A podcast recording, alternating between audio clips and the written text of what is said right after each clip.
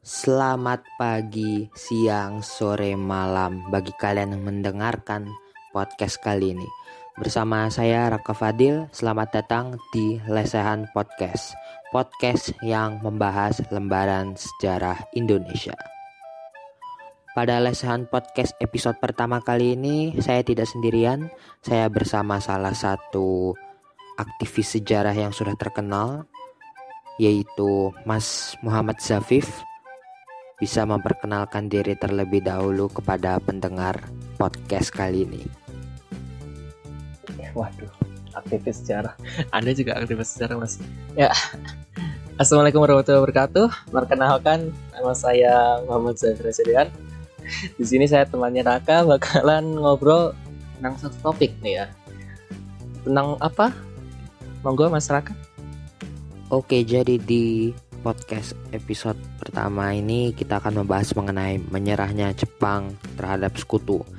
Jadi kalau kita throwback atau kilas balik Indonesia sempat berada di posisi vacuum of power karena Jepang menyerah kepada sekutu. Dan itu merupakan turning point bagi Indonesia untuk mendapatkan kemerdekaannya. Sebagai aktivis sejarah, mungkin Mas Zafif bisa menjelaskan apa yang terjadi kepada Jepang, kenapa Jepang bisa menyerah kepada sekutu. Oke. Uh, Oke. Okay. Nah, ya, sebagaimana kita tahu nih ya, Jepang itu menyerah nggak lepas dari kejadian hancurnya dua kota industri yang nopang ke ekonomi Jepang ya. Ya, yaitu kota Hiroshima dan kota Nagasaki. Tepatnya tanggal 6 Agustus 1945 dan Agustus 1945. Nah, kondisi ini pun bom atom banyak menghancurkan bangunan dan menewaskan sampai puluhan jiwa rakyat Jepang kan ya. Nah, akibat dari jatuhnya bom atom Hiroshima dan Nagasaki, hal ini mampu melumpuhkan pemerintahan Jepang untuk sementara.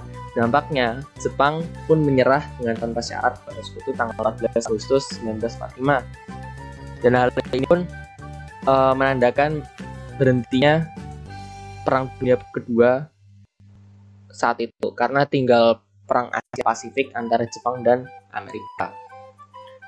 Nah, hal ini pun disampaikan oleh Presiden Amerika Serikat Harry S. Truman dalam konferensi persnya di depan Gedung Putih.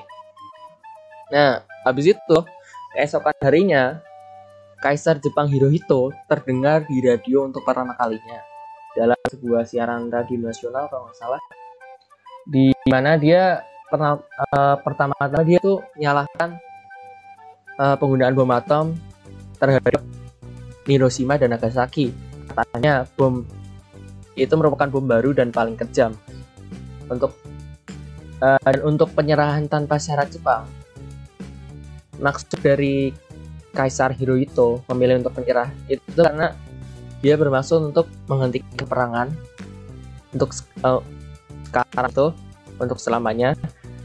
Dan hal itu merupakan jalan salah satu-satunya agar bisa menyelamatkan rakyat Jepang dari kepunahan. Jadi kan, kan nggak mau ya di, di bom terus dia paksa untuk menyerah nah Kaisar Jepang pun disiarkan tepatnya tiap hari uh, tanggal 15 Agustus 1945 dan hal inilah yang memberi uh, bukti kalau adanya himpitan dan kesulitan dari kubu Jepang yang karena perubahan secara tiba-tiba kan ya. Dan rakyatnya rakyat pun rakyat Jepang pun secara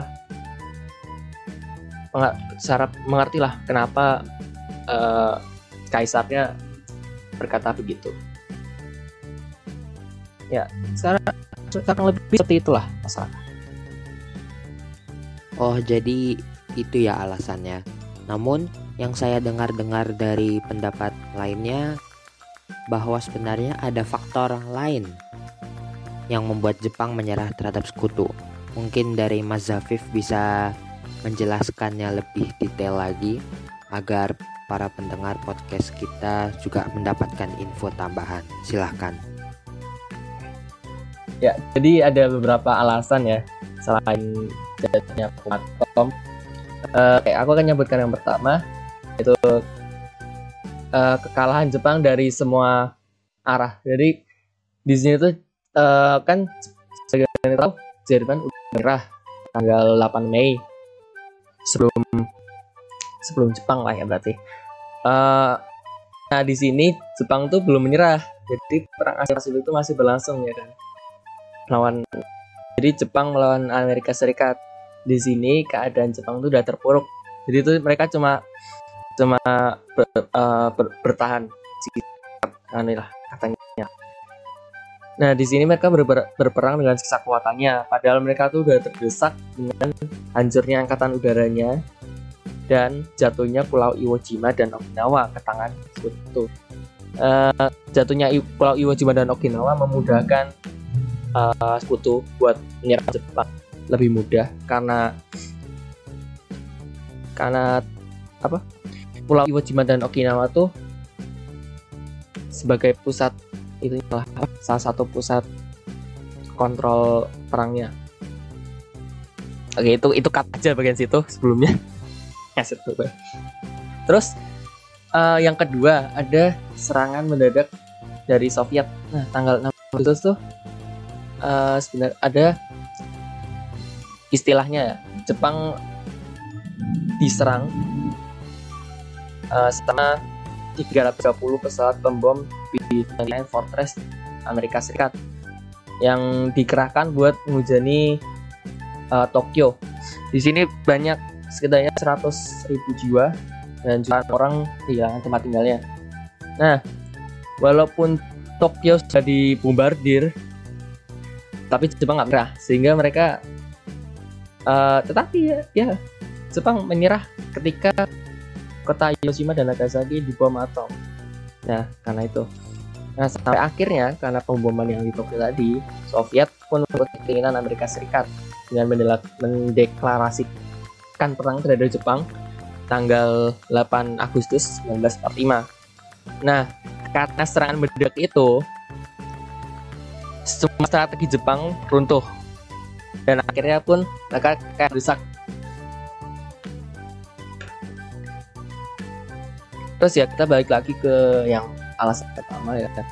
Dampak dari bom atom dan Hiroshima tuh masih terasa setelah beberapa saat. Maksudnya kayak udah udah reda kan ya. Tapi banyak masih ada banyak kematian dan penyakit akibat radiasinya itu.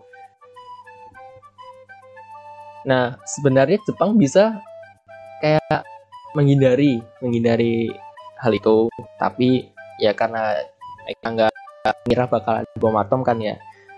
Sebenarnya sebelumnya tuh udah diperingatkan untuk mengira aja, sebenarnya memberitahukan ya untuk alasan keselamatan dunia, sekutu pun mem, oh, meluncurkan serangannya atau Jepang.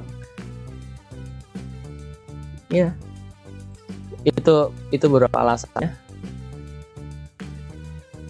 yang bisa saya sampaikan ya Oke berarti ada dua alasan mengapa Jepang menyerah tanpa syarat kepada sekutu yang pertama adalah kekalahan di semua lini yang di mana salah satu titik pentingnya adalah jatuhnya Pulau Iwo Jima dan Okinawa ke tangan sekutu lalu yang kedua adalah serangan mendadak Soviet yang bekerja sama dengan Amerika Serikat. Oke, terima kasih kepada Mas Zafif yang sudah menyempatkan waktu untuk hadir di podcast episode kali ini. Bagi kalian yang mendengarkan lesan podcast, saya juga berterima kasih dan sampai jumpa di lesehan podcast episode berikutnya. Sampai jumpa, salam lesehan.